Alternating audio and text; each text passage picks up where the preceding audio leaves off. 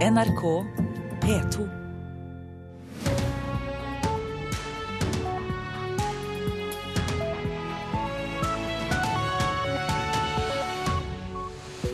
Nyhetsmorgen tirsdag 7. april har disse overskriftene, nå 6.30. Noen fremmedkrigere kjemper det mange mener det er det godes sak, men de kan bli stemplet som kriminelle. En av dem er norskkurderen Horseng. Jeg kjemper for at folk skal gå fritt i de gatene her. Jeg kjemper for at eh, flyktninger som dem skal ha et sted å leve i fred. Massegraver funnet i Tikrit etter at IS ble jaget ut av den irakiske byen. Send ikke barnebarna ut av Norge når besteforeldrene har gjort noe galt, sier KrF. Og vi skal høre om vintersykkelbyen i Nord-Norge. Her i studio i dag, Øystein Heggen. Enkelte fremmedkrigere kjemper det de fleste av oss vil kalle det godes sak. Men regjeringens nye lovforslag kan komme til å stemple også dem som kriminelle. Det er vanskelig å trekke skillelinjene, mener både fagfolk og politikere. I kveld viser Brennpunkt-dokumentaren om norskkurderen Hosheng, som har vervet seg til den kurdiske peshmerga-hæren i kampen mot IS i Irak.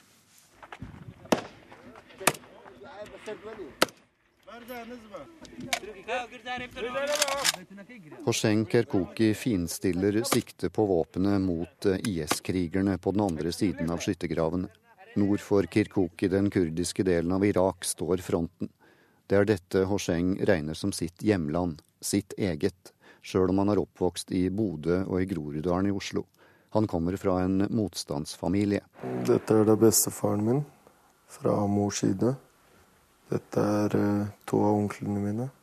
Alle disse døde da under frihetskampen. Så har jeg to onkler fra min fars side også, som begge døde i motstandskampen. Så det er egentlig en plikt å kjempe for landet sitt. Og en ære å dø for landet sitt. I en måned fulgte frilansjournalisten Anders Sømme Hammer 24-åringen fra Veitvet i krigen mot IS.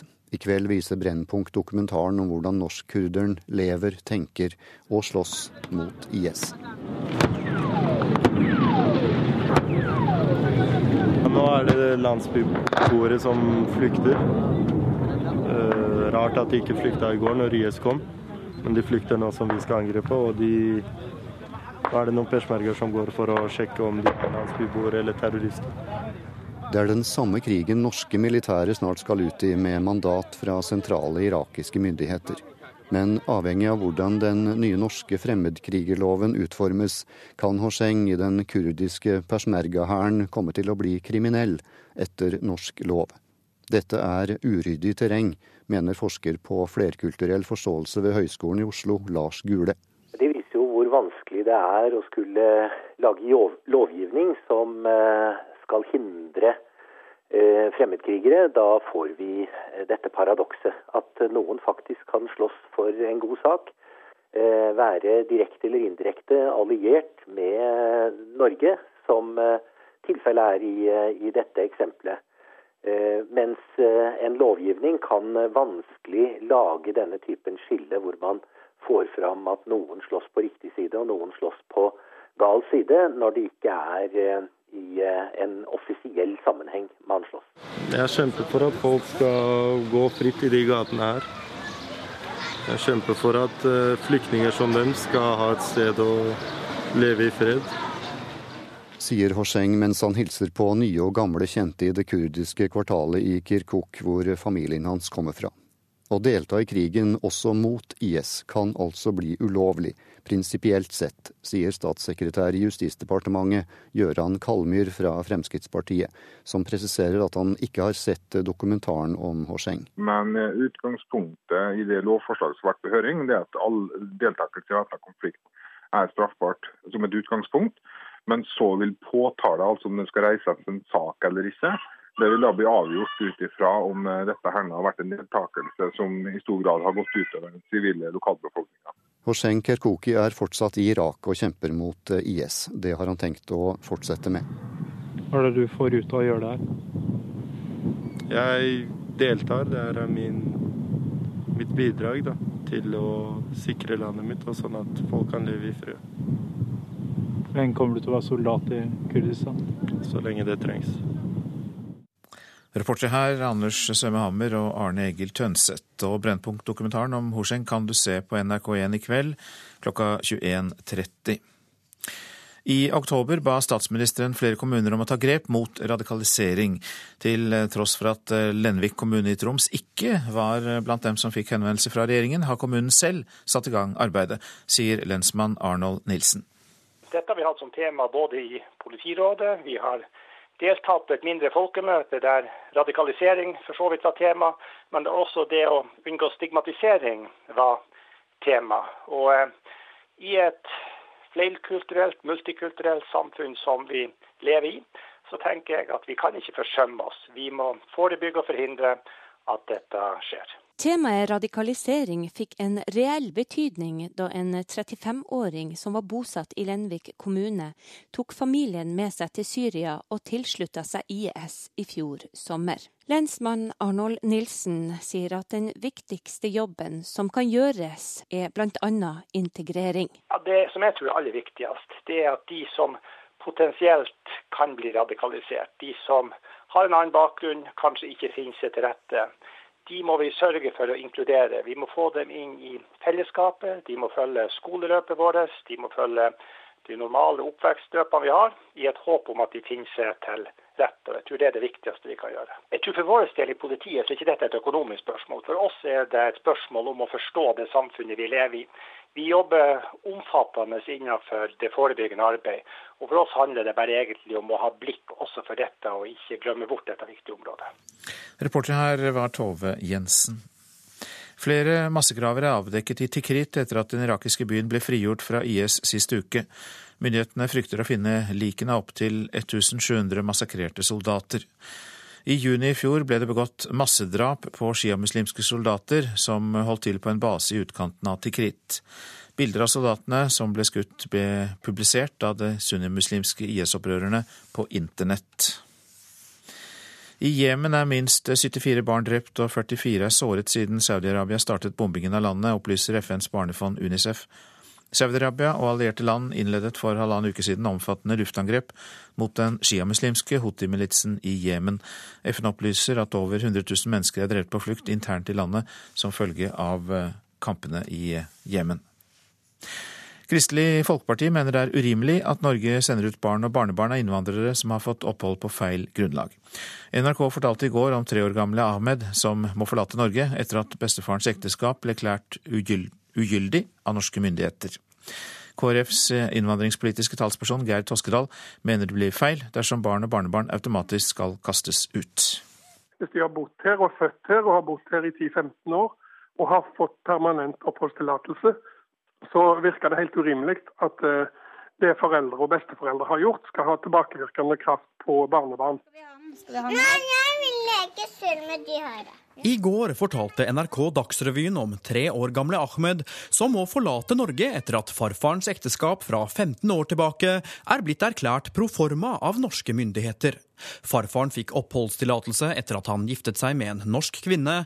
Hans tre barn, deriblant Ahmeds far, kom til Norge gjennom familiegjenforening. Utlendingsnemnda mener at siden ekteskapet var proforma, er vedtaket om familiegjenforening ikke lenger gyldig. Dermed må ikke bare farfaren, men også hans barn og barnebarn ut av Norge. Nylig tapte familien saken i tingretten, og familiens advokat Arild Humlen mener dommen er svært spesiell. Så Hvis dommen blir stående, så betyr det at annen, tredje og fjerde generasjon kan miste sine tillatelser på bakgrunn av noe besteforeldre og tippoldeforeldre har gjort. Den, det er på mange måter ingen grense for hvor langt den tilbakekallsretten kan gå.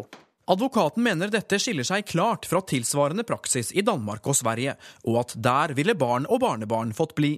Toskedal i KrF sier han nå vil ta opp saken med regjeringspartiene. For å se på om her er noe som eh, er urimelig i dagens virkelighet. Og jeg, Den sjansen vil jeg, eh, vil jeg benytte meg av.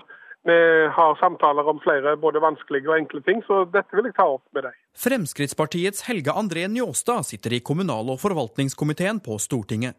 Han sier han ikke kjenner den konkrete saken i detalj, men at han er åpen for å se på hvor mange generasjoner tilbake et lovbrudd kan ha konsekvenser for oppholdstillatelsen. I utgangspunktet så skal det være strengt, og det skal ikke lønne seg å på en måte lure regelverket for å få opphold. Men akkurat hvor, hvor langt tilbake du skal gå, er jo ting som man må se på hvis denne saken aktualiserer problemstillingen.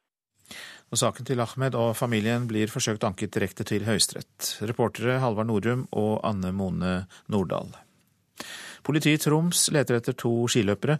De skulle gå fra Kautokeino til Nordreisa, men kom ikke fram til avtalt tid i går kveld.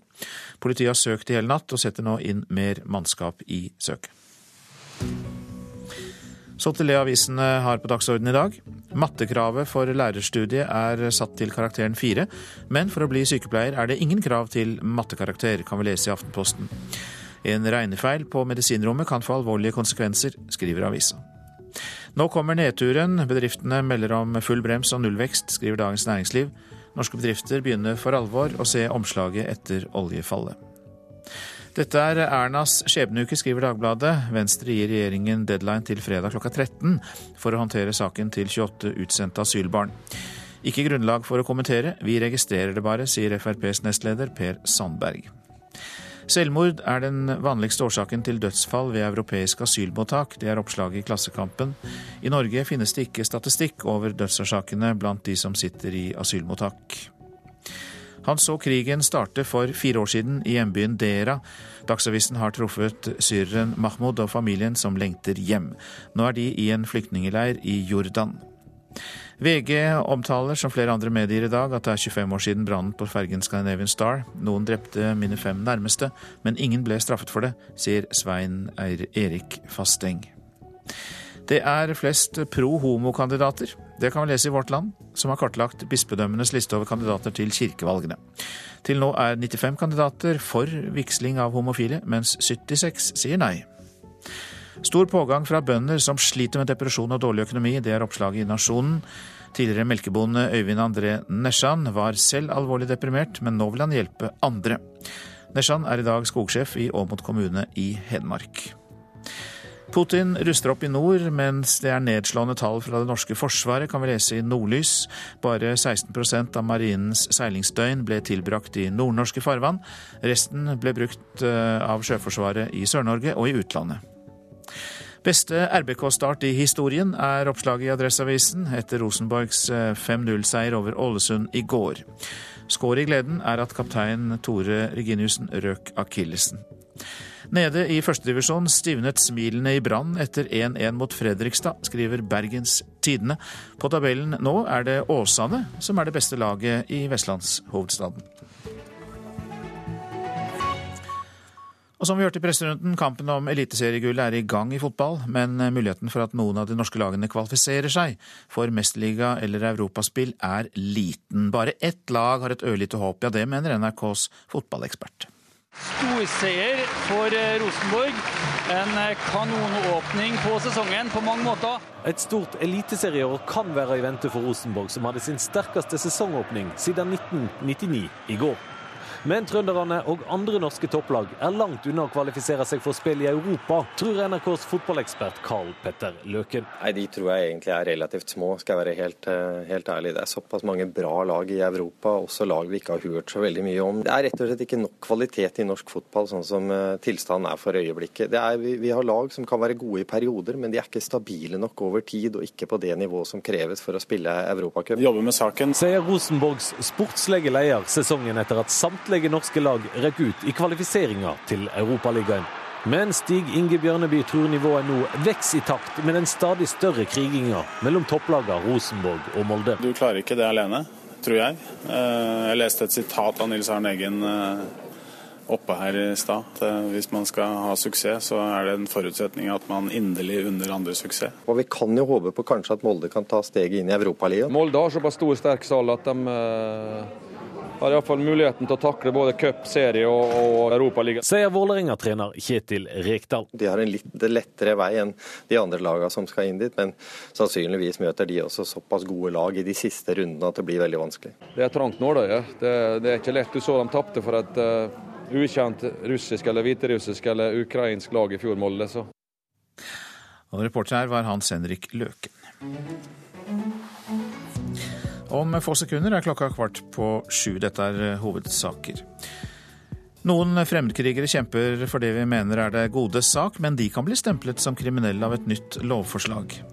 Send ikke ut barnebarna når besteforeldrene har gjort noe galt, sier KrF. Det er urimelig, sier KrFs innvandringspolitiske talsperson Geir Toskedal. Flere massegravere er avdekket i Tikrit etter at den irakiske byen ble frigjort fra IS-kontroll. Og Scandinavian Star-brannen kan bli utgangspunkt for spillefilm. Mer om det seinere. Nå skal vi høre at antall straffedømte som soner hjemme med elektronisk fotlenke øker. Dette til tross for at partiet som styrer Justisdepartementet har vært svært skeptisk til at fanger skal sone straffen i egen stue. Soningsformen sender feil signal til både ofre og lovbrytere, har Frp tidligere slått fast. Nå skal Justisdepartementet evaluere ordningen. Han kan låse seg inn i sitt eget fengsel. I toromsleiligheten på et boligfelt i Follo har 23-åringen sonet 49 dager av en 54 dager lang straff for legemsfornærmelse.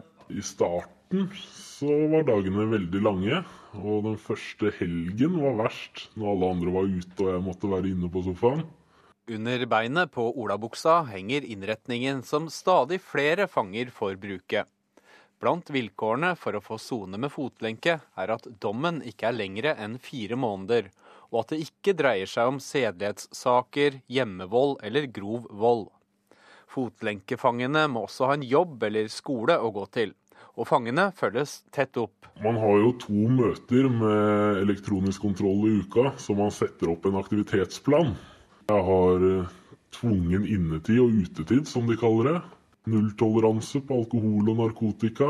Blåser promilletest hver gang jeg møter dem. Etter at 105 nye lenker ble bevilget over statsbudsjettet for 2014, finnes det nå 342 av dem i hele landet, hvorav 107 i Oslo-regionen. Kriminalomsorgsdirektoratet økte i år kravet til bruk av lenkene fra 80 til 94% og det skjer til tross for at partiet som nå styrer Justisdepartementet, i hvert fall tidligere var erklært motstander av ordningen. Det er helt korrekt at vi har hatt, eh, både Frp og Høyre også har hatt en skepsis til den eh, soningsformen. Og det bunner i at eh, hvordan det her kan fremstå for de som er ofre og pårørende, men også for de som eh, deler husstand med eh, kriminelle som gjennomgår elektronisk kontroll. Og Det er ting vi må finne ut av, og som vi kommer til å få svar, bedre svar på gjennom en eh, evaluering som nå skal settes i gang snart. Sier statssekretær i Justisdepartementet Vidar Brein-Karlsen fra Fremskrittspartiet. Kriminalomsorgen er derimot strålende fornøyd med erfaringene etter at 9000 fanger nå har sonet med elektronisk kontroll siden starten i 2008. Sånn som vi ser det, så er det en, eh, en veldig god løsning. Det hindrer da førstegangssonere til å komme borti et kriminelt nettverk.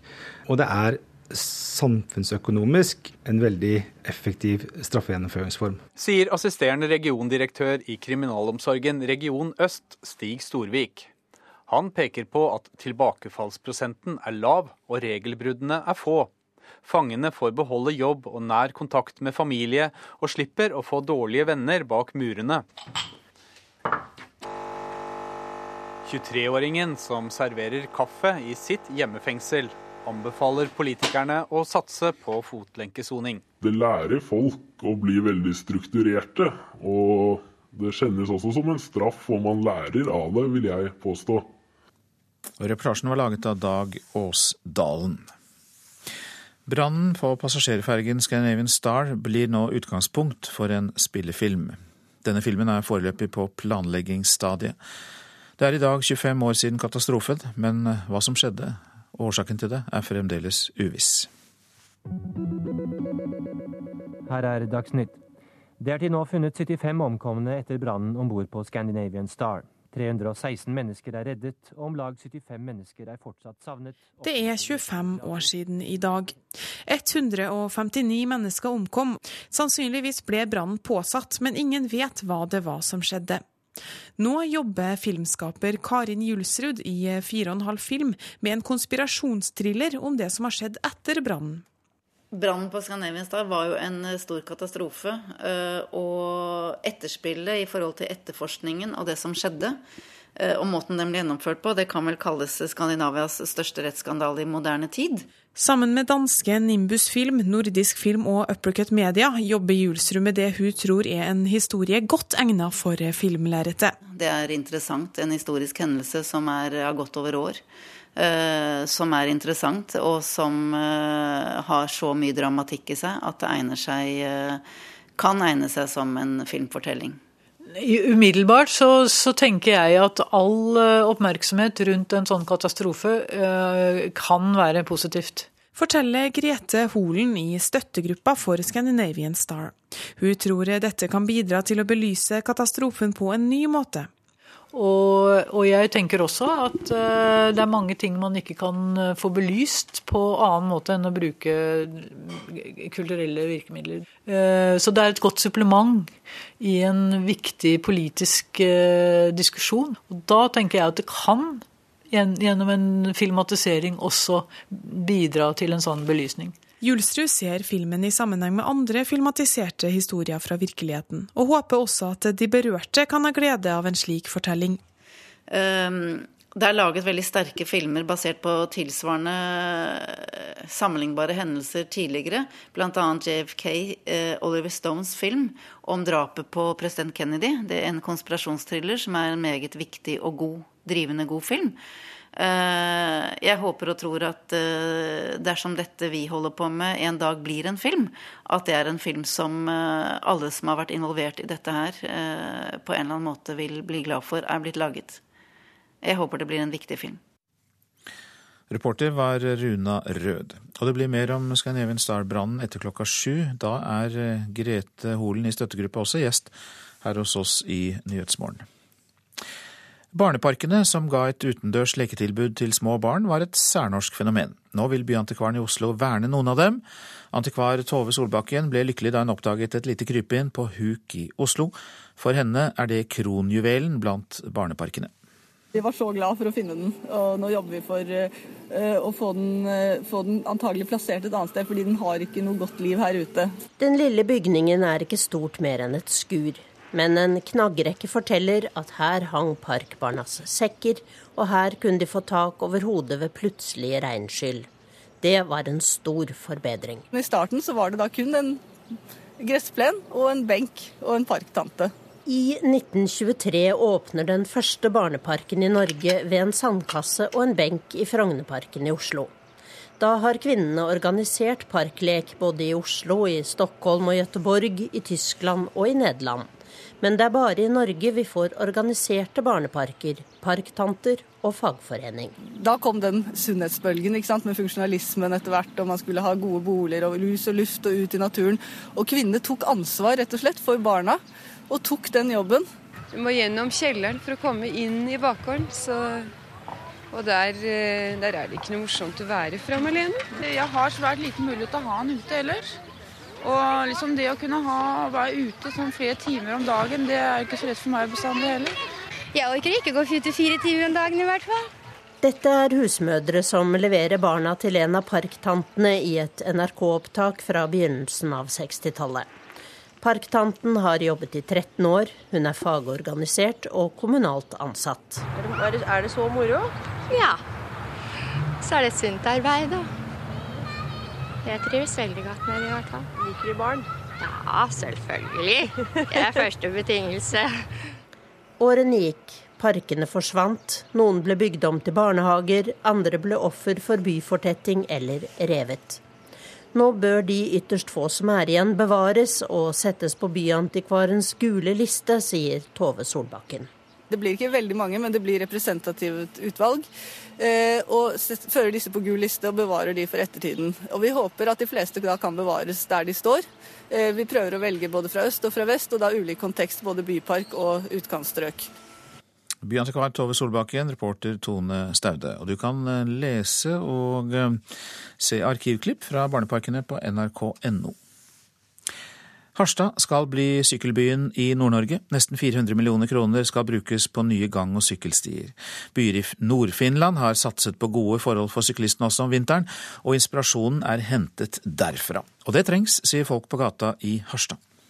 Eh, ikke fullt så bra. Det er dårlige brøyta fortau, og så er det litt for høye fortauskanter. Vi akkurat å snakka om det når vi gikk bort i gaten her, at vi syntes det var utrolig dårlig eh, eh brøyta. Enda nå er det i smeltetida og det er påske. og Det var liksom ikke bart og ordna i, i, i, i gaten og, og på fortu, langs fortauskantene. Det syns vi var rart. Mm. Ja. Det sier ekteparet Lars og Anne Lise Figenschou. De er fra Tromsø, men de er i Harstad og triller en barnevogn over dårlig brøyta gater i byen.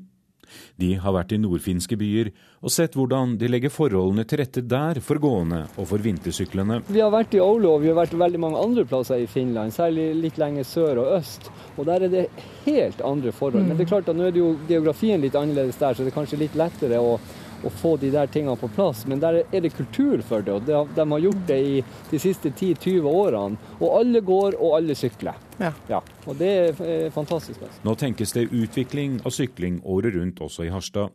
I forbindelse med Veipakke Harstad som starter opp nå, skal det bygges over 30 km med fortau, gang- og sykkelfelt.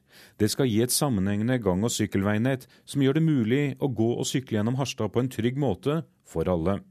Inspirasjonen har de bl.a. henta fra Aulo. Ja, det ser det er ganske mange som sykler hele runde året. Det sier Matti Pennanen, ordfører i Aulo. Det er en iskald marsdag der solen skinner fra klar blå himmel. Sykkelstativene er fulle med sykler. Og frostrøyken står ut av munnen på de som er ute og sykler, og de er mange. Her er det 700 km med sykkelstier. 10% av dem er vinterbrøyta, det setter folk pris på. Jeg tykker det er veldig mye. Do you enjoy it? Uh, not really, but it's easier than the buses or walking, so. Syklistene skal ha like gode forhold som bilistene, sier Pennanen. Vi holder alle de veien åpen når det kommer snø. Det blir litt mer sånn trendy å sykle på jobb og ha piggdekk mm. og, og, og alt det der. Men det er klart at det er jo fantastisk flott å, å stå opp om morgenen klokka sju og gå på jobb, og så er det ferdig brøyta og ordna, og du kan bare hive deg på sykkelen. og Det er klart at det betyr masse for folkehelsa.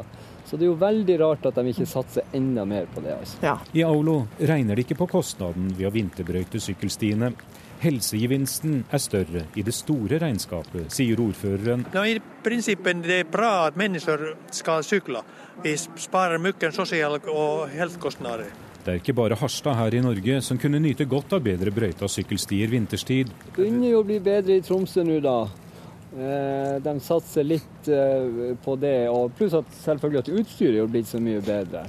Ja, det er jo helt fantastisk. Ja, det er supert. Noe må gjøres. Ja, noe må gjøres. Absolutt. Denne reportasjen fra Harstad var laget av Nils Meren. Så var det værvarselet. Fjellet i Sør-Norge. Vestlig stiv kuling utsatte steder i høyfjellet. Nord for Finse sterk kuling. Enkelte snøbyger i vestlige og nordlige fjellstrøk. Sludd eller regn under ca. 800 meter. Ellers opphold og perioder med sol i fjellet.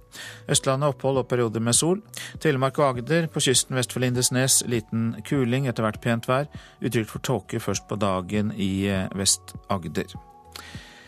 Så var det Vestlandet sør for Stad. Sørvest liten kuling ved Stad. I kveld dreiende nordvest. For det meste skyet. Perioder med regn. Snø over ca. 800 meter. Møre og Romsdal sørvest stiv kuling på kysten. Liten kuling vest for Ona.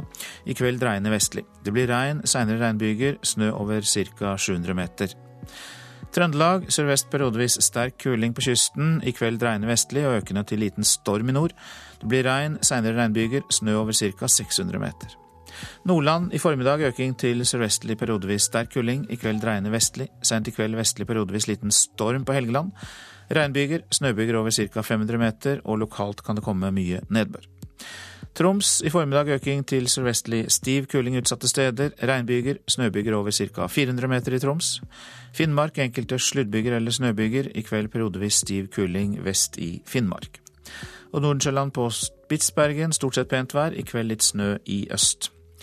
Temperaturer klokka fem. Svalbard lufta minus fire. Kirkenes og Vardø én. Alta og Tromsø to. Bodø fem. Brønnøysund seks. Trondheim-Værnes sju. Molde åtte.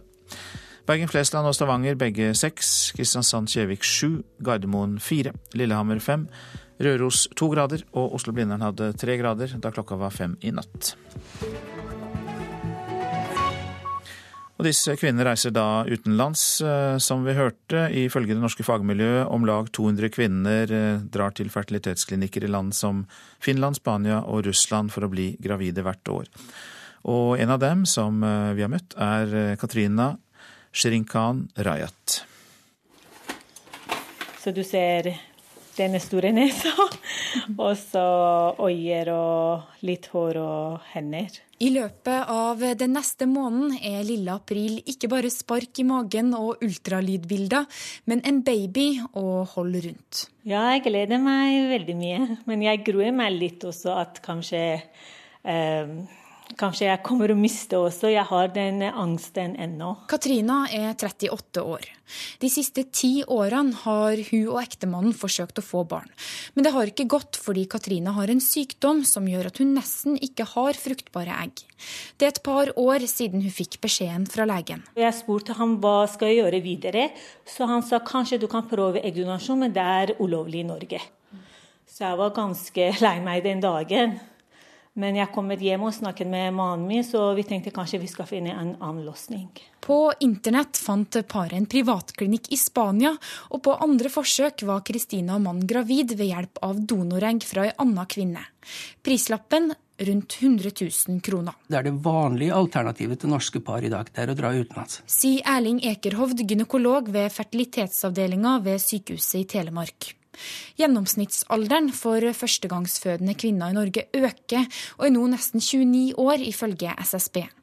For hvert år som går, minker fruktbarheten, og det fører til at stadig flere kvinner trenger hjelp til å få barn, sier Ekerhovd. I min praksis så ser vi at vi har en fire-fem par hver måned. Og jeg tror alle reiser utenlands. På landsbasis så tror jeg at tallet ligger på ca. 200 i året, selv om tallet er veldig usikkert. Men det at de da eh, satser på å bli foreldre i 30-årene, det gjør at mange ikke har gode nok egg selv. Og Det er det som gjør at det blir en økning. Eggdonasjon er ulovlig i Norge. Før påske gikk likevel Bioteknologirådet inn for å gjøre det lovlig for kvinner under 45 år. Nå er det opp til regjeringa og Stortinget om det blir lov. Jeg har kjøpt de der, sånn vinterklær, og så litt sommerklær. Skuffer og skap er full av små kjoler, jakker og sko. Sikkert det er ikke alle som er enig med oss, da, men jeg bryr ikke meg om det. Var det vanskelig å bestemme seg for å gjøre det? Nei, egentlig ikke. Mm, ja, fordi eh, de siste årene i livet med uten barn var veldig meningsløst. Og denne reportasjen var laget av Marit Gjelland. Johanne Sundby, god morgen. God morgen. Du er professor ved Medisinske fakultet ved Universitetet i Oslo, spesialist i eh, barnløshet. Eh, ja, Hva syns du om forslaget som nå ligger der fra Bioteknologirådet om å gjøre det lovlig i Norge med eggdonasjon? Jeg synes det er et uh, nødvendig og riktig forslag. Jeg, det er en liten gruppe det gjelder, sånn generelt sett. det er de som har medfødte problemer med å lage egg, som har en genetisk feil, Turners syndrom. Det er noen få som går i tidlig overgangsalder, og så er det noen få som utsetter det å få barn så lenge at de ikke klarer det med egne egg. Og i og med at det å få barn er et så sterkt ønske hos nesten alle i samfunnet vårt, så syns jeg det er veldig greit at de får tilbud om behandling i Norge. Vi hørte at det var kanskje et par hundre som drar til eh, utlandet i eh, året. Eh, hvor mange tror du det da kan bli hvis det blir tillatt i Norge? Jeg tror ikke det kommer til å bli så veldig stor økning. I og med at de aller fleste klarer faktisk å bli gravide på egen hånd, eller ved hjelp av alminnelig prøverørsbefruktning. Men det at behandlingen da gis i det norske helsesystemet, gjør at det blir mer likhet i forhold til hvem som har råd til å få slik behandling. Og at man får mer kontroll på det. Ja, for det koster 100 000 å få gjort dette i utlandet. Hva tror du kostnaden kan bli her hjemme? Det, har du tro på at det blir gratis tjeneste? Det vet jeg ikke så mye om, men i og med at forslaget i Norge gjelder å bruke egg som allerede er hentet ut av kvinner som kommer til prøverørsbehandling, så blir ikke tilleggskostnadene så veldig store.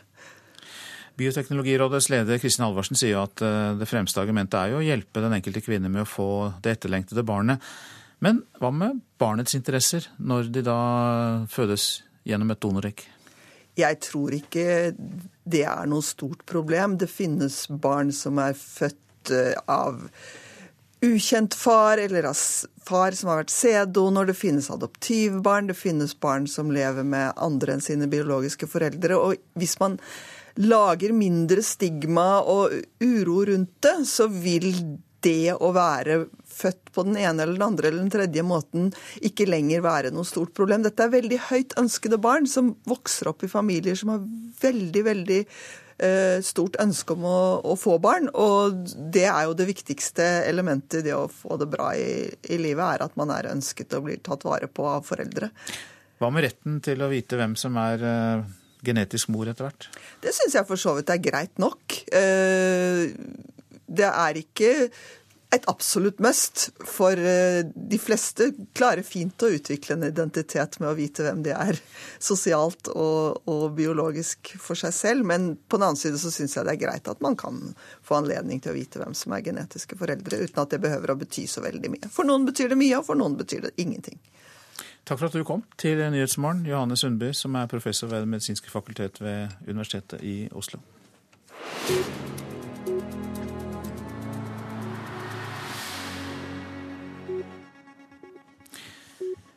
Som vi hørte tidligere i sendingen, det er 25 år siden Norges største skipskatastrofe i nyere tid. Brannen i passasjerfergen Scandinavian Star, som var på vei fra Oslo til Fredrikshavn. 159 mennesker mistet livet. Halvor Harsem var om bord sammen med sine foreldre. Han var bare ett og et halvt år gammel og ble berget av faren sin. Moren, som var gravid, omkom, og Halvors far eh, hadde vært ute på dekk mens de andre sov. Og han kom tilbake til lugaren og fortalte at det brant. Halvor var eh, så liten den gang at han ikke husker stort, men han vet hva moren sa til faren.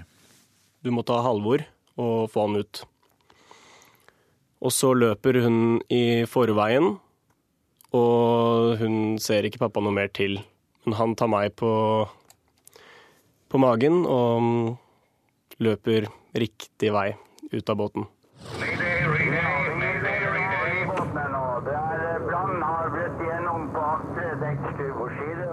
Moren løp altså feil vei den skjebnesvangre natten for 25 år siden. Hun var gravid. Halvor skulle få en lillebror. Derfor pleier han å si at det var 160 mennesker som omkom om bord i Scandinavian Star, ikke 159. Dagsnytts Harald Bredeli sendte denne rapporten da det brennende skipet var tauet til havn i Lysekil i Sverige. Det er uklart når det er mulig å fortsette søket etter savnede passasjerer. Det brenner fortsatt på Scandinavian Star. Varmeutviklingen er voldsom, og store røyksøyler velter ut av båten. Det er fortsatt mange ubesvarte spørsmål rundt tragedien om bord i Scandinavian Star. En 37 år gammel danske ble raskt utpekt som brannstifter, men siden han døde i brannen, ble saken henlagt. Etter mange runder er imidlertid etterforskningen gjenopptatt, og nå, rett før påske og i aller siste liten, ble foreldelsesfristen på 25 år i mordbrannsaker opphevet. Saken kunne med andre ord være lukket for godt i dag. I stedet fortsetter altså etterforskningen for fullt, og en stortingskommisjon skal granske brannen.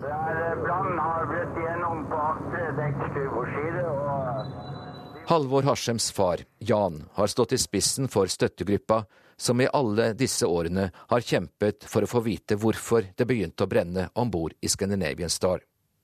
Halvor selv forteller hvordan det har vært å vokse opp med sorgen. Nei, altså Jeg har pleid å sammenligne det litt uh, med hva jeg vil tro at det er å vokse opp uh, eh, f.eks. uten en arm. Fordi da vet du egentlig ikke hvordan det er å ha den armen. Da jeg var mindre, så tenkte jeg vel på, uh, på brannen mer som et mareritt. At uh, dette har jeg opplevd, dette er veldig rart. Jeg har ikke en mamma, hvor er hun? Veldig mange av de umiddelbare spørsmålene. Og selvfølgelig når man er liten, så er det vanskelig å analysere en sånn ting videre. Uh, I voksen alder så tenker jeg fortsatt veldig mye på det, men kanskje ikke helt på den måten. Jeg prøver å ta lærdom av det. Et, bare de store spørsmålene om liv og død, sånne ting, føler jeg at jeg har gransket nøye, kanskje, kanskje, før mange andre begynte å gjøre det. Jeg tror det har egentlig bidratt til at jeg har blitt eh, veslevoksen litt raskt. Ja, det sa Halvor eh, Harsem og eh, reporter Hans Jørgen Solli. Grete Holen, god morgen til deg. God morgen. Takk for at du kom. Du eh, overlevde også denne brannen. og den, den natten, den kvelden, hvordan merket du at det var brann? Eh, jeg våknet av at det var eh, bråk på gangen. eh, Og skjønte vel ikke umiddelbart at det handlet om brann, men, men så skulle jeg ut og sjekke hva det var, og da kjente jeg jo at det var røyk og, og lukt i gangen. Og, og da var det instinktene som, som trådde til. Sånn at jeg var jo da en av de heldige som klarte, klarte å komme meg ut. Eh, Og på dekk og bort fra skipet etter hvert, og, og bli reddet. For det er det. Det er det med den tilfeldigheten om hvem som klarte det og hvem som ikke klarte det, som jo i og for seg er den store saken for veldig mange av oss som overlevde. Ja, for vi hørte i innslaget her at noen kanskje valgte feil vei ut, at de ble blokkert. Ja. Eh, og vi eh, valgte, og det skjønner jeg veldig godt, fordi at jeg vekket den som lå ved siden av meg, eller som jeg ikke kjente den gangen, som lå i samme lugar som meg, og vi diskuterte liksom, og hvilken vei skal vi gå? Og så valgte vi en av veiene, og det ble den riktige veien. altså Så så tilfeldig kunne det være. Og jeg hadde en annen lugar først, som jeg fikk byttet til eh, den som jeg da sovnet i. Og hadde jeg blitt liggende der, så hadde jeg jo heller ikke overlevd. Så så tilfeldig var det, denne katastrofen. Fryktelig.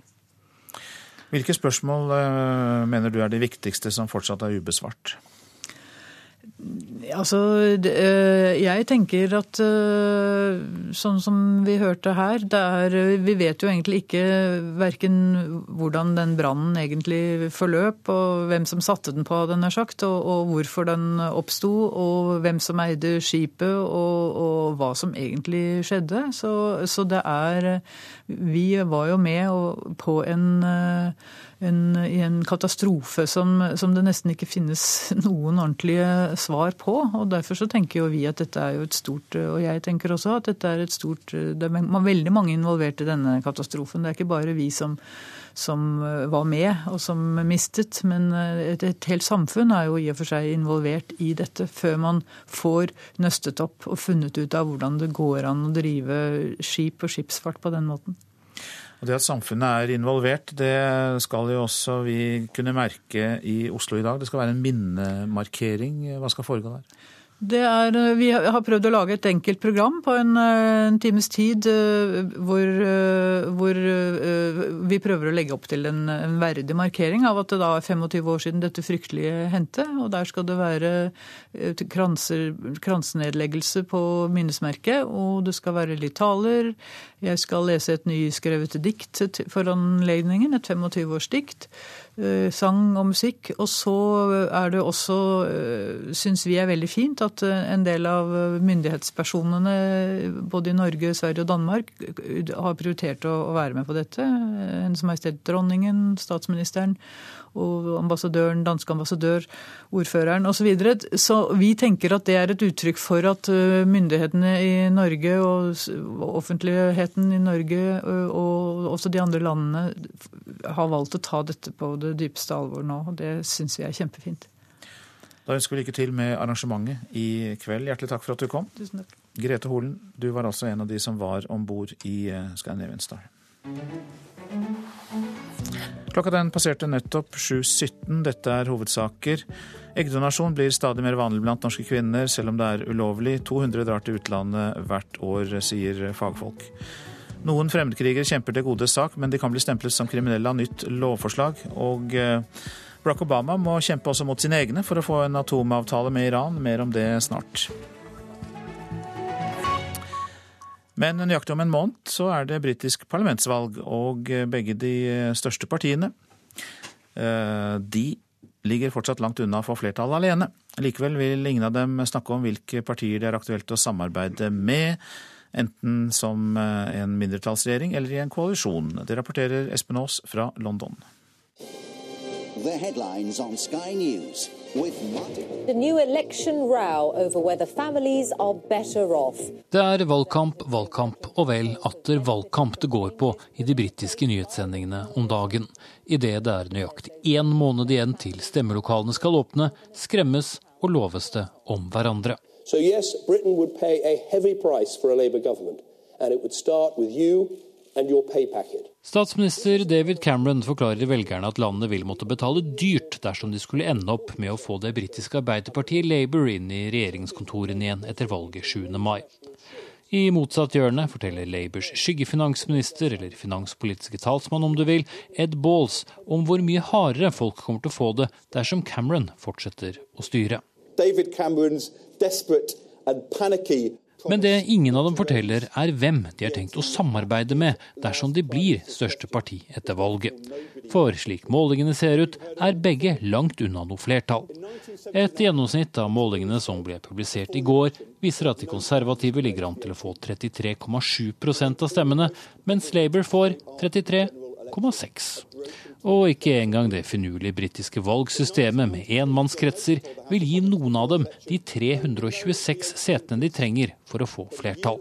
Det må bli en ny koalisjonsregjering eller en mindretallsregjering, sier president i meningsmålingsbyrået Yougov, Peter Kellner, til NRK. If Labour or the Conservatives are short of a majority, but not very short of a majority, they may be tempted to run a minority government and assume that they can men det partiet som blir størst, må enten ha koalisjonspartnere eller støtte til sin mindretallsregjering. Og hvem det skulle bli, ja det har ingen av partiene sagt noe om. Tvert imot, de snakker stadig som om de skal lede landet helt på egen hånd. Politics is becoming more fragmented. Uh, Partiet Liberaldemokratene, som har vært koalisjonsparti de siste fem årene, har ikke sagt hvilket parti de kan komme til å støtte, eller om de har tenkt å støtte noen overhodet. Det skotske nasjonalistpartiet, som ser ut til å minst femdobles i størrelse, sier de gjerne jager ut Cameron fra Downing Street nummer ti, men har blitt møtt med en kald skulder fra Labour.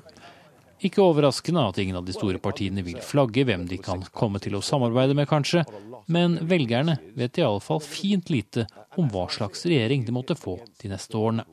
Espen Aas, London. Og Du er kommet inn i studio, Øyvind Brattberg, god morgen. God morgen. Postdoktor ved Universitetet i Oslo og ekspert på britisk partipolitikk. Ja, De holder kortene tett til brystet, de britiske partilederne. Men eh, kanskje du kan hjelpe oss med å tenke tenke oss fram til hva slags eh, regjeringskoalisjoner vi kan få? Det er et eh, jeg skal ikke si det er et farlig tankeeksperiment, men det bevismaterialet vil kunne holdes mot oss om en, eh, om en måneds tid. Jeg tror det sikreste man kan si, er at det er svært uforutsigbart, og at det er veldig vanskelig å se for seg hvordan valgets resultat skal kunne tolkes til et entydig regjeringsmandat. Altså hvem har fått eh, velgernes støtte til å danne regjering? Det tror jeg blir veldig, veldig vanskelig å, å få en eh, klar oppfatning av. Ja, for du eh, tror det fortsatt vil bli slik at de to store ikke vil klare å få disse magiske 326 stemmene alene? Det skal veldig mye til at uh, verken Labour eller de konservative klarer det. Og da må man ut på, på koalisjonsjakt. Men hva er det som har bidratt til at de to store partiene i britisk politikk eh, er så svekket at de ikke klarer å stå alene og danne regjering? På mange måter så er det jo en, eh, en naturlig, altså en en måte å nærme seg det vi er vant til i de fleste europeiske land. At man har et, et, eh, fungerende flerpartisystem. Og det som er den store klemma på en måte i Storbritannias tilfelle, er at man har dette på velgernivå, men det gjenspeiler seg ikke fullt ut på, i, i, parlamentet. Fordi man har dette valgsystemet som, som ikke er proporsjonalt. Og da, da, gjør det, da, gjør det, forvirringen total, fordi ett av de to store partiene jo er vant til å være størst, og blir hjulpet av valgsystemet til å være størst. Så da er de litt mer hjelpeløse når dette oppstår i Storbritannia enn i en del andre land som er vant til koalisjoner? Det er de. Det er de. De konservative statsminister David Cameron han oppnår jo god personlig popularitet blant velgerne, men ikke partiet. Hvordan forklarer vi det? Det er et, en regjering og et parti som har fått uh, en merkelapp som sier knallharde kutt og litt uh, politisk kynisme og en fordelingspolitikk til fordel for de øverste samfunnslag. Og, og, det er jo lett å bruke mot dem. Samtidig så virker David Cameron å være en, en profesjonell og, og, kompetent regjeringssjef, og det er hans store trumfkort vis-à-vis -vis opposisjonen. Og så går økonomien ganske bra. Økonomien er på, på, full fart eh, fremover. Igjen er det et spørsmål om hvem som nyter, i størst grad nyter godt av det, men økonomien er på vei fremover.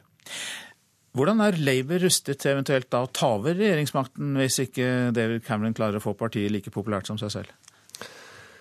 Labour har en, en, et stort troverdighetsproblem, som dels er knyttet til lederen, om, om, David, om Ed Miliband unnskyld, er, er statsministerpotensialet, om han er hel ved til å være statsminister.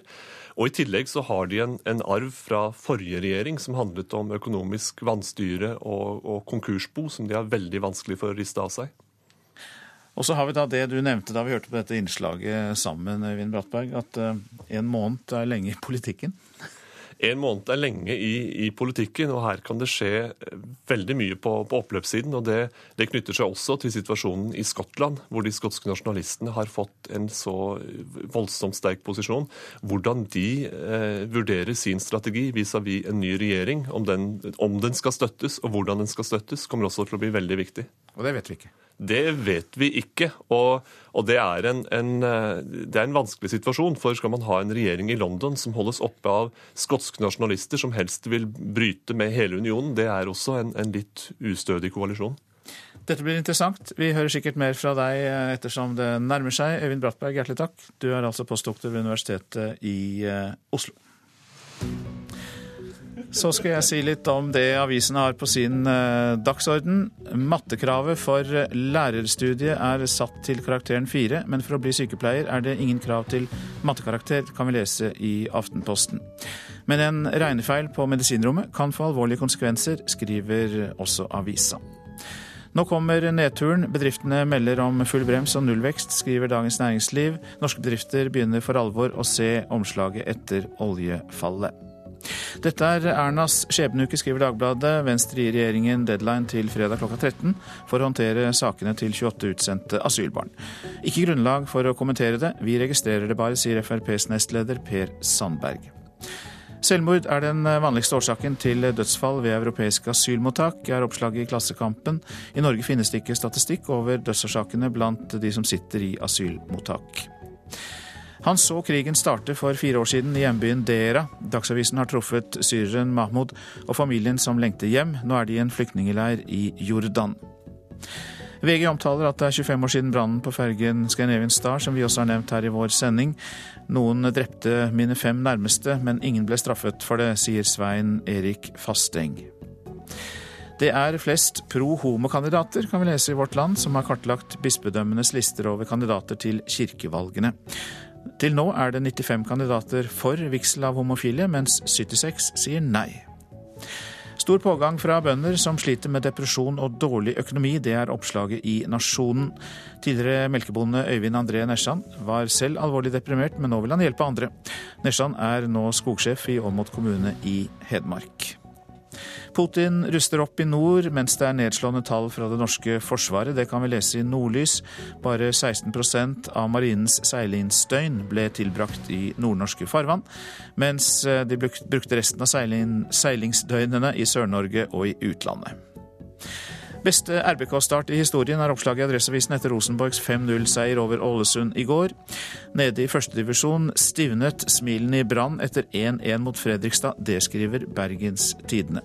Og på tabellen i førstedivisjon så er det Åsane som er det beste laget i vestlandshovedstaden, i hvert fall foreløpig.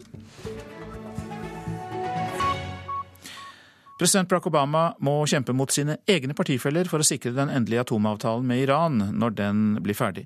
Lederen i Senatets utenrikskomité vil at Kongressen skal få innsyn i den endelige avtalen før den godkjennes, og mange demokrater vil trolig stemme for et slikt forslag. The executive branch, when it's communicating with foreign leaders, is understood to be speaking on behalf of the United States of America, not a divided States of America. Han advarer republikanerne mot å undergrave troverdigheten hans i utlandet. For det er tross alt presidenten som har ansvaret for USAs utenrikspolitikk, sier han. Men president Obama må også kjempe mot sine egne partifeller i Kongressen når det gjelder avtalen om Irans atomprogram.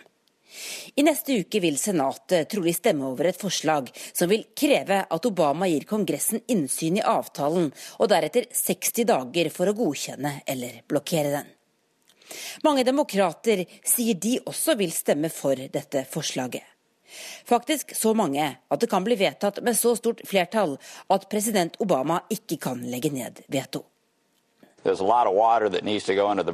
er den republikanske lederen i utenrikskomiteen, senator Bob Corker, som er arkitekten bak forslaget. Iran is saying immediate, uh, the U.S. is saying phased. And secondly, and very importantly, what are the SNAP uh, types of inspections we're going to be able to do? Hvordan vil sanksjonene bli løftet? Og hva slags overraskelsesinspeksjoner kan verdenssamfunnet gjennomføre når avtalen er trådt i kraft, undrer han til Fox News. The Republicans may uh, feel more affinity with Prime Minister Netanyahu's views of the uh, Iran issue than uh, they, they do with mine. President Obama var synlig oppgitt i et videointervju med The New York Times i går. Han mener mange i Kongressen lytter mer til denne mannen enn til ham. Israels statsminister Benjamin Netanyahu har de siste dagene gjentatte ganger kommet med advarsler mot avtalen. Den endelige Iran-avtalen er fortsatt ikke ferdig, men én ting er sikkert. Det vil være et enormt nederlag for president Obama dersom Kongressen skulle stanse avtalen. Derfor pågår det nå intens møtevirksomhet både på Capitol Hill og i Det hvite hus. Og det sa USA-korrespondent Tove Bjørgaas. Prosent for Nyhetsmorgen i dag, Kari Bekken Larsen. Her i studio, Øystein Heggen. Tyrefekting kan snart forsvinne. Bare 8% av spanjolene har vært på en tyrefekterarena. Mer om det i reportasjen etter Dagsnytt.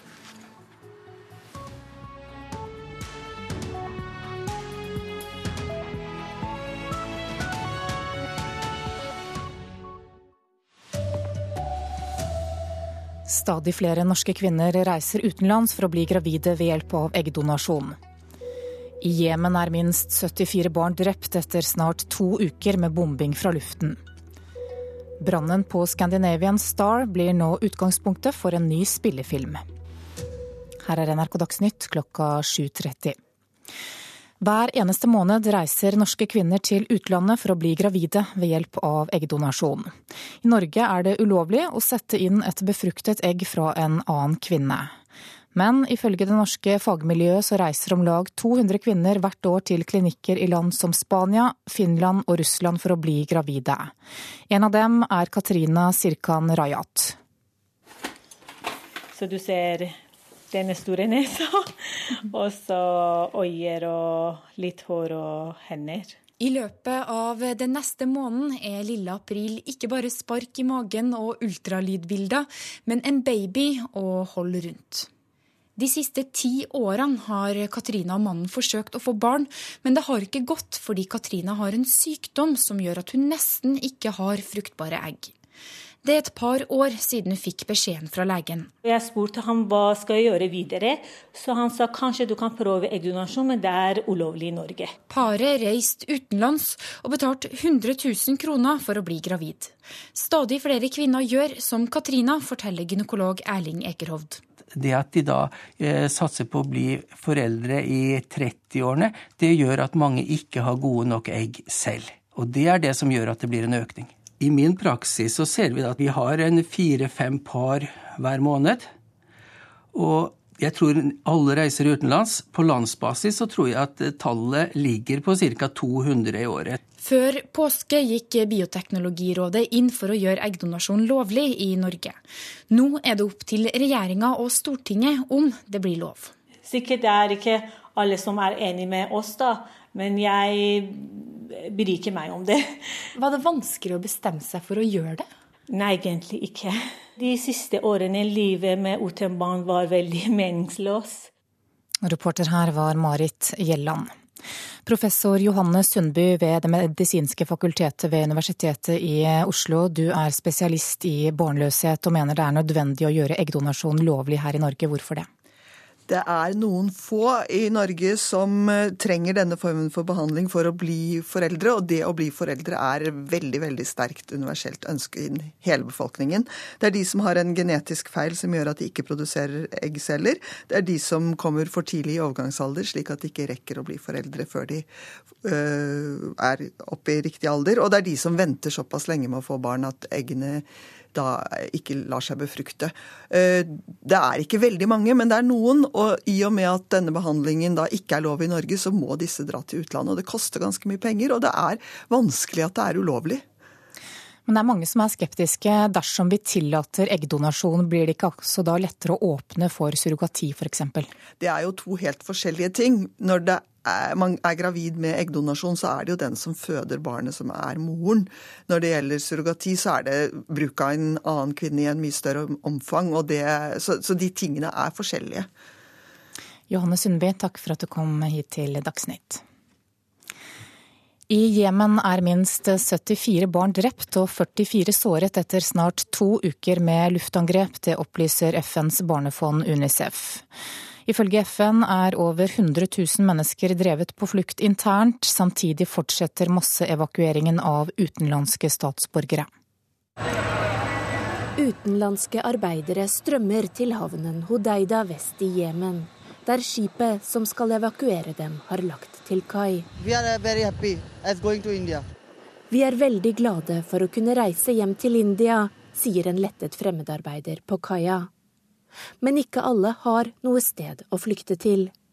Etter at Saudi-Arabia og allierte land startet luftangrepene mot den sjiamuslimske Houthi-militsen i Jemen for snart to uker siden, er over 100 000 jemenitter drevet på flukt i eget land, melder FN. Røde Kors har tryglet om en pause i krigføringen for å hjelpe sivilbefolkningen, uten hell. I går lyktes de likevel med å få sendt to fly med medisinske forsyninger og helsepersonell til Jemens hovedstad Sanaa. Men behovene er langt større, og for mange kommer hjelpen for sent. Flere hundre sivile er så langt drept, FNs barnefond Unicef opplyser at minst 74 av de drepte er barn, og at 44 barn er såret, men anslår at tallene på drepte og sårede barn i realiteten er langt høyere.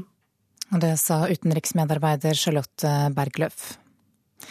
Et eh, nytt lovforslag kan komme til å gjøre alle fremmedkrigere til kriminelle, selv om de ikke er med i terrorgrupper. Det er vanskelig å trekke skillelinjene, mener både fagfolk og politikere. I kveld viser NRK dokumentaren om norsk-kurderen Hoshen Kerkoki, som har vervet seg til den kurdiske peshmerga-hæren i kampen mot IS i Irak.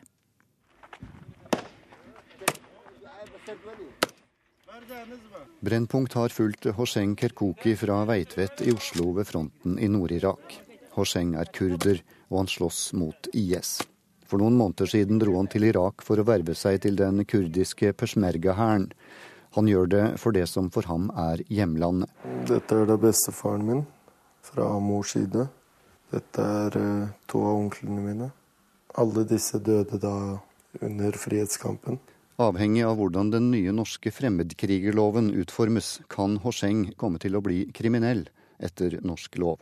Dette er uryddig terreng, mener forsker på flerkulturell forståelse ved Høgskolen i Oslo, Lars Gule. Det viser jo hvor vanskelig det er å skulle lage lovgivning som eh, skal hindre eh, fremmedkrigere. Da får vi eh, dette paradokset at noen faktisk kan slåss for en god sak være direkte eller indirekte alliert med Norge, som eh, tilfellet er i, eh, i dette eksempelet. Å delta i krigen mot IS kan altså bli ulovlig, prinsipielt sett, sier statssekretær i Justisdepartementet Gøran Kalmyr fra Fremskrittspartiet. Men utgangspunktet i det lovforslaget som har vært på høring, det er at all deltakelse i væpna konflikt er straffbart som et utgangspunkt. Men så vil påtale, altså om det skal reises en sak eller ikke, det vil da bli avgjort ut ifra om eh, dette her har vært en deltakelse som i stor grad har gått utover den sivile lokalbefolkninga. Reportere var Anders Sømme Hammer og Arne Egil Tønseth. Dokumentaren om Hoshen Kerkoki kan du se i Brennpunkt på NRK1 i kveld klokka 21.30. Det er funnet en rekke massegraver i Tikrit siden den irakiske byen ble frigjort fra terrorgruppen IS i forrige uke. Myndighetene frykter å finne 1700 massakrerte soldater i disse gravene. Tallet på straffedømte som soner hjemme med elektronisk fotlenke øker kraftig. I Kriminalomsorgen region øst, som omfatter Oslo, Akershus, Oppland, Østfold og Hedmark, er målet at 100 fotlenker skal være i bruk til enhver tid. Kriminalomsorgen mener erfaringene er gode, men regjeringspartiene er skeptiske til denne soningsformen. Justisdepartementet skal nå evaluere ordningen.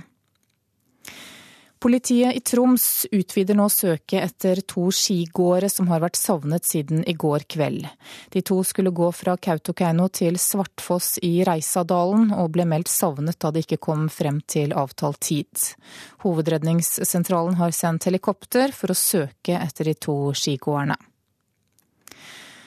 Brannen på passasjerferjen Scandinavian Star blir nå utgangspunktet for en ny spillefilm. Filmen er foreløpig på planleggingsstadiet. I dag er det 25 år siden 159 mennesker mistet livet i brannen, men fortsatt vet ingen helt hva som skjedde på ferjen natt til 7. april 1990.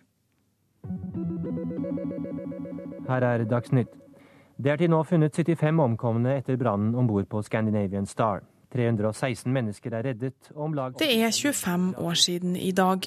159 mennesker omkom. Sannsynligvis ble brannen påsatt, men ingen vet hva det var som skjedde. Nå jobber filmskaper Karin Julsrud i Fire og en halv film med en konspirasjonstriller om det som har skjedd etter brannen. Brannen på Scandinavian Star var jo en stor katastrofe. eh, Og etterspillet i forhold til etterforskningen av det som skjedde, og måten den ble gjennomført på, det kan vel kalles Skandinavias største rettsskandale i moderne tid. All eh, oppmerksomhet rundt en sånn katastrofe kan være positivt. Forteller Grete Holen i støttegruppa for Scandinavian Star. Jeg tenker også at eh, det er mange ting man ikke kan eh, få belyst på annen måte enn å bruke eh, kulturelle virkemidler. Reporter var Runa Rød. NRK Dagsnytt, Anne Jetlund Hansen.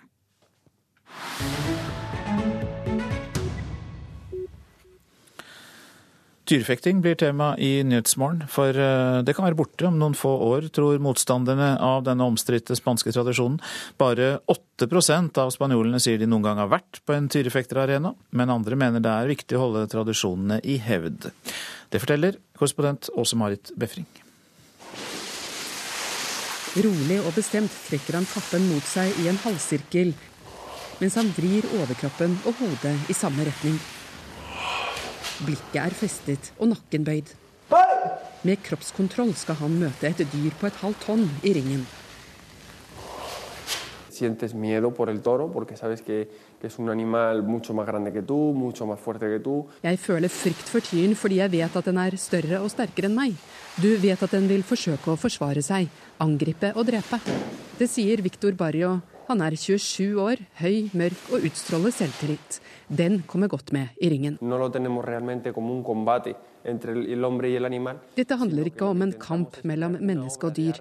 Det vi matadorer skaper er kunst, forklarer han. Vi får publikum til å kjenne på redsel og begeistring. Jeg stiller mitt liv til rådighet. Det er en guttedrøm som har gått i oppfyllelse. Etter flere års trening sto han for første gang ansikt til ansikt med en fullvoksen tyr for to år siden. På den viktigste arenaen av dem alle, Plaza de Toros de las Ventas i Madrid. Stolt viser han frem drakten han brukte. Rosa silke med hjertet brodert i gullamme. Bare jakka alene veier flere kilo. Buksa er til skredderen etter at en tyr angrep han i benet. Å se tyren komme mot seg er nervepirrende. Det første du har lyst til, er å stikke av, men når du klarer å få den til å gå dit du ønsker, styre den med kroppen, så får du lyst til å gjøre dette tusen ganger til, sier han.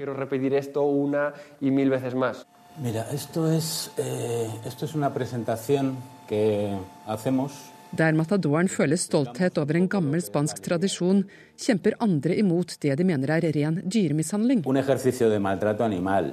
No podemos considerarlo como una tradición que debamos mantener en el siglo XXI. Man kan ikke forsvare dette i det 21. århundre, sier veterinær José Enrique Saldivar. Han leder Avatma, som er en organisasjon av over 2000 veterinærer. De reiser rundt i landet og til Brussel for å forklare hva som skjer når dyret får lanser og spyd inn i kroppen. Det ødelegger muskler, leddbånd, sener, nerver, blodårer. Sammen med de psykiske påkjenningene fører dette til et enormt stress, sier Saldivar. Reaksjonsmønsteret til dyret skyldes frykt, og ikke at den er aggressiv, mener han. To regioner i Spania har forbudt tyrefekting, men selv om de fleste fortsatt tillater det, har antallet kamper stupt. Interessen er i ferd med å dø ut, mener veterinæren. Yo estoy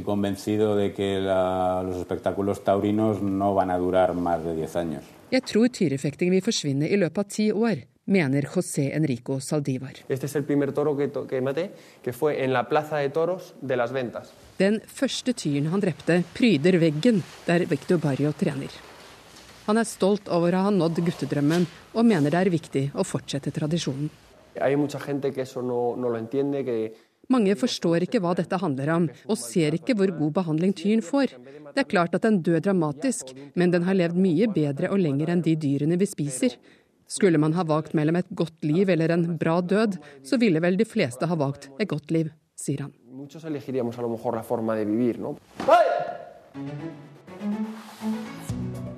Dette er hovedsaker i Nyhetsmorgen. Stadig flere norske kvinner reiser utenlands for å bli gravide ved hjelp av eggdonasjon. Trolig om lag 200 per år, tror man i fagmiljøene. I Jemen er minst 74 barn drept etter snart to uker med saudiarabiske luftangrep. Det er 25 år siden katastrofebrannen på Scandinavian Star. Den kan nå bli utgangspunkt for en ny spillefilm. Og Barack Obama må kjempe også mot sine egne for å få en atomavtale med Iran. Senatets utenrikskomité krever innsyn i avtalen før den godkjennes.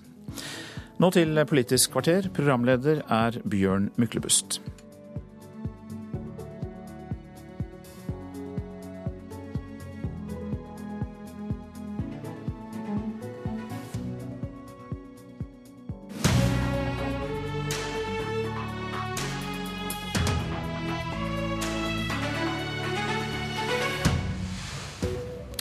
Noe har skjedd.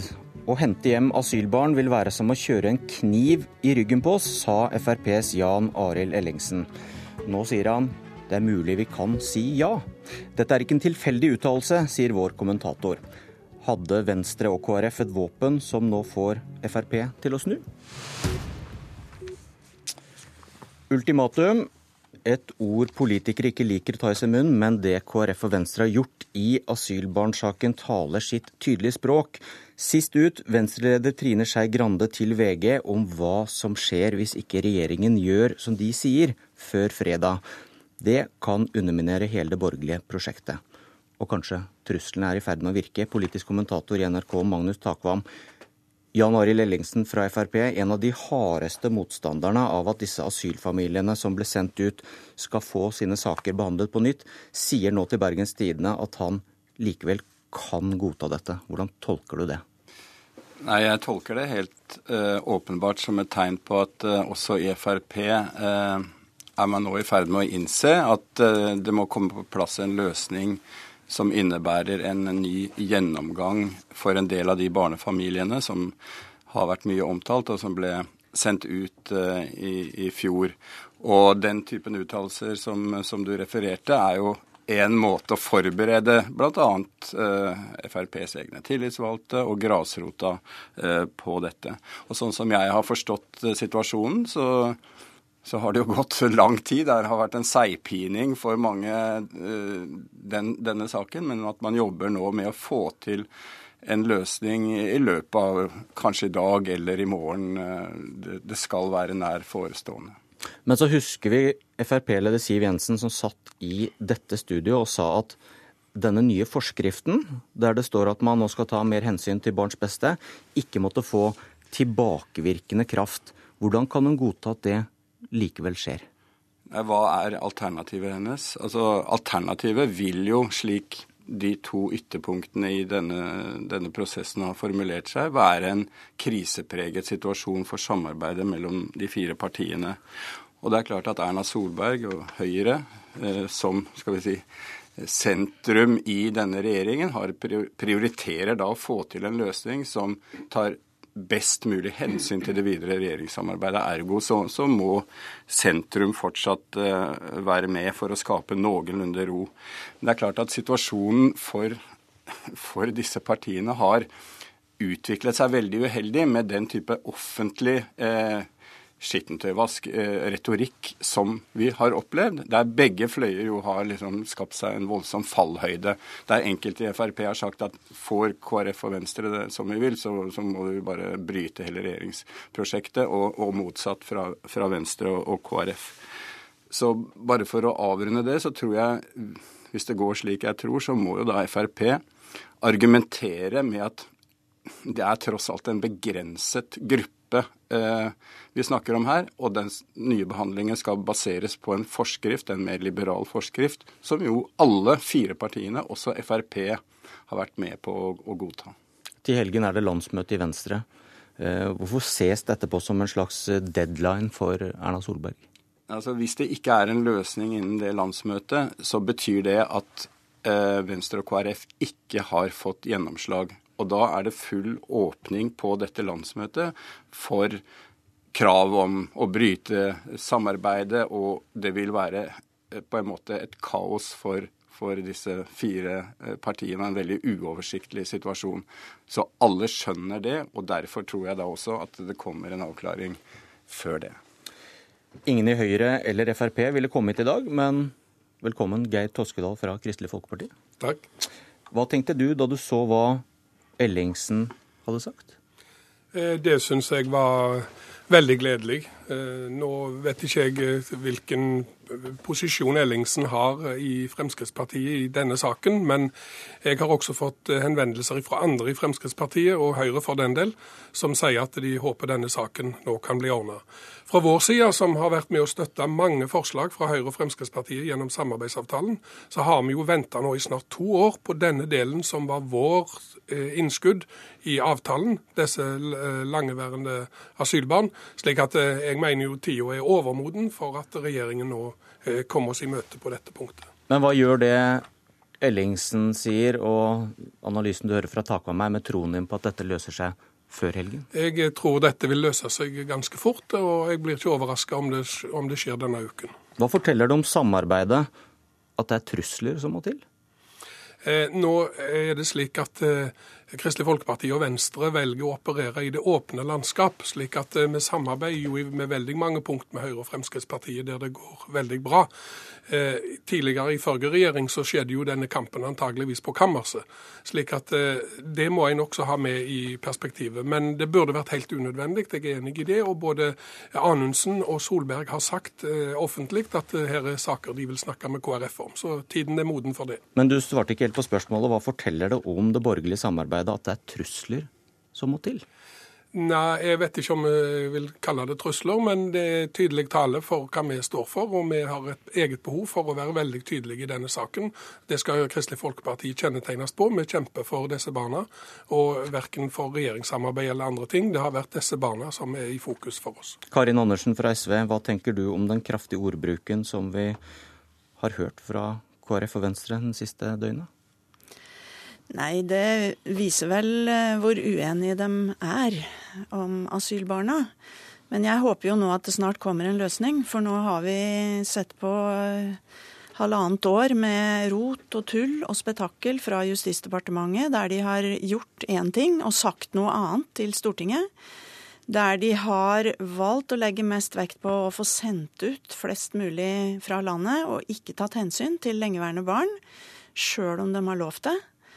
Uh, og det ville være det eneste anstendige nå ville jo være at disse barnefamiliene fikk behandla saken sin på nytt etter det nye regelverket. For sånn det ser ut nå, så er det jo bare disse unga som har betalt prisen for det rotet som Anundsen har uh, skapt. Men hva, hva mente du da du rett før påske sa at KrF og Venstre har forhandlet vekk de fleste av asylbarna?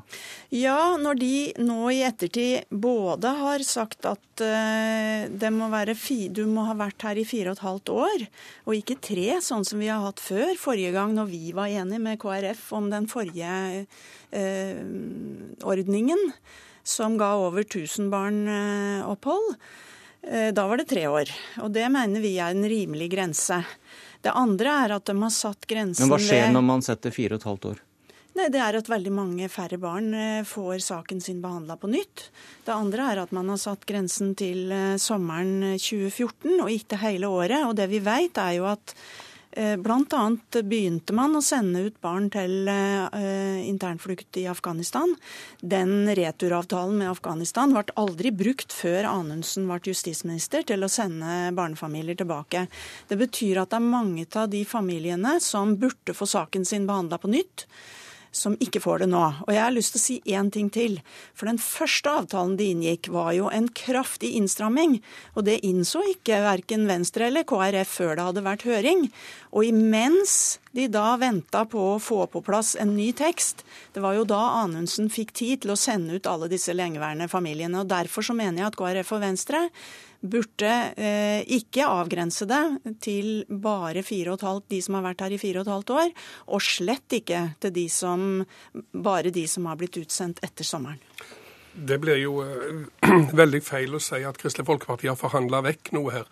Det er jo med etter den rød-grønne forskriftene uh, uh, som har fungert hele tida, så har jo vi fått på plass både engangsløsning og varig løsning, og forhandler nå om 2014.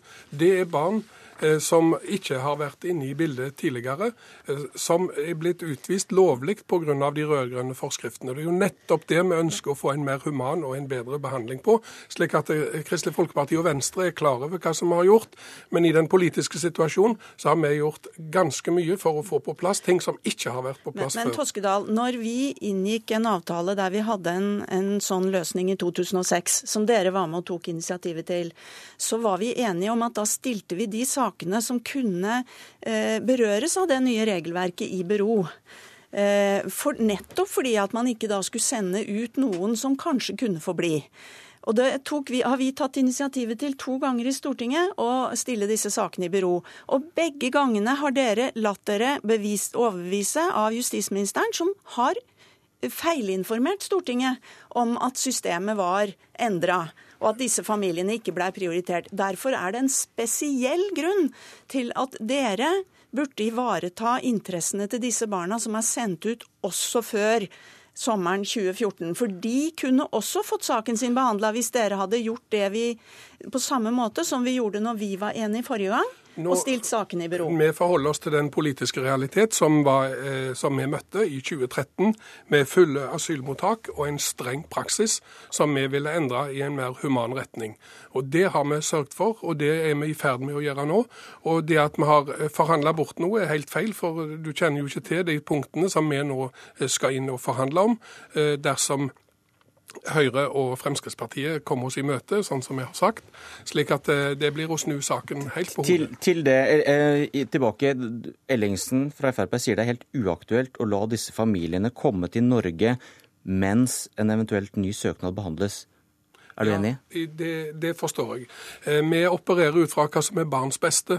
Og tenk deg situasjonen å få hit en barnefamilie igjen som kanskje har vært godt integrert, og så får de, får de ikke oppholdstillatelse pga. Av, eh, av eh, at saksbehandlingen ender med at de må ut for andre gang. Det vil være en fryktelig situasjon for de barna det gjelder. Så vi så går for rask saksbehandling. Så hører vi om denne Shaima i Jemen, sendt ut da før regelendringen, som nå flykte fra krigshandlinger. Ja, det er en forferdelig situasjon som tydeliggjør det vi har sagt hele veien, at her må raskere saksbehandling, og det må på plass klare, forutsigbare regler for dette, slik at disse barna slipper denne situasjonen. Dette er borgere som har vært godt integrert, gode, som vi må ta godt vare på, og ifølge FNs barnekonvensjoner og andre, så er vi forplikta til å behandle disse. Det gjør heller ikke at dere vil at eh, hun og andre skal få komme hjem mens søknaden behandles, Andersen? Vi, har sagt at de barnefamiliene vi har sendt til Afghanistan, imot FNs råd, imot Afghanistans råd, også imot UDIs råd.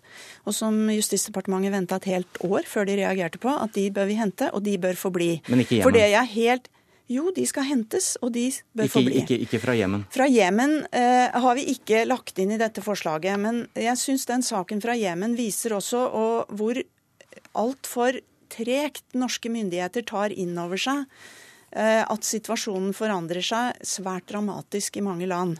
Og Det betyr også at man må eh, slutte nytte å sende barnefamilier eller andre inn i områder der det er farlig. Og det går altfor lang tid før, nå før man reagerer. Og jeg vil jo håpe at denne familien får saken sin behandla på nytt, og at de får komme tilbake, og at det kan skje fort. Det lar seg også gjøre med dagens regelverk, for de kan hentes, og de kan søke asyl i Norge på nytt. Det er jo ikke noe tvil om at de er i en veldig farlig situasjon nå. Det kan jo ikke være sånn at vi er, skal sikre oss i alle bauger og kanter bare for mulla Krekar, og ikke for disse unga som blir sendt ut til veldig farlige områder. Men du, er, eh, Dere to er jo relativt enige i denne saken ja. her, men representerer et mindretall. Hvor mm. er det ikke kunstig å framstille deres kamp mot regjeringen på asylfeltet som en kamp eh, som et skille mellom raus og riktig asylpolitikk og det som ikke er det? For dere vil jo også kaste ut noen. Ja, Men dere altså, snakker veldig lite om akkurat det. Ja, altså, akkurat den krittstreken dere drar. En av forskjellene er at SV satt i regjering og var medansvarlig for en del av de rød-grønne.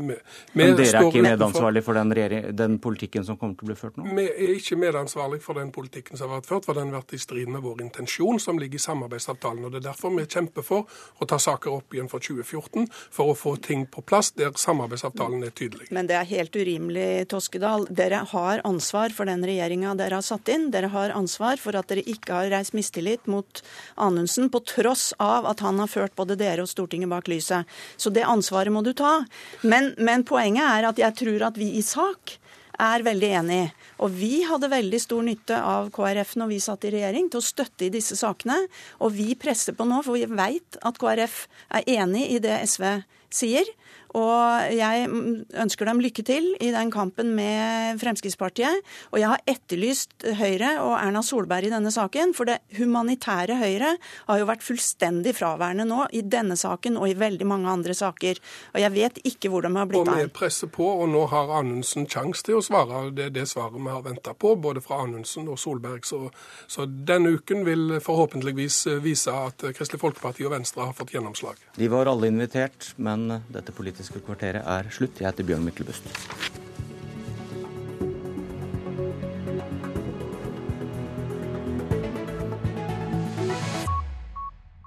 Hør flere podkaster på nrk.no podkast.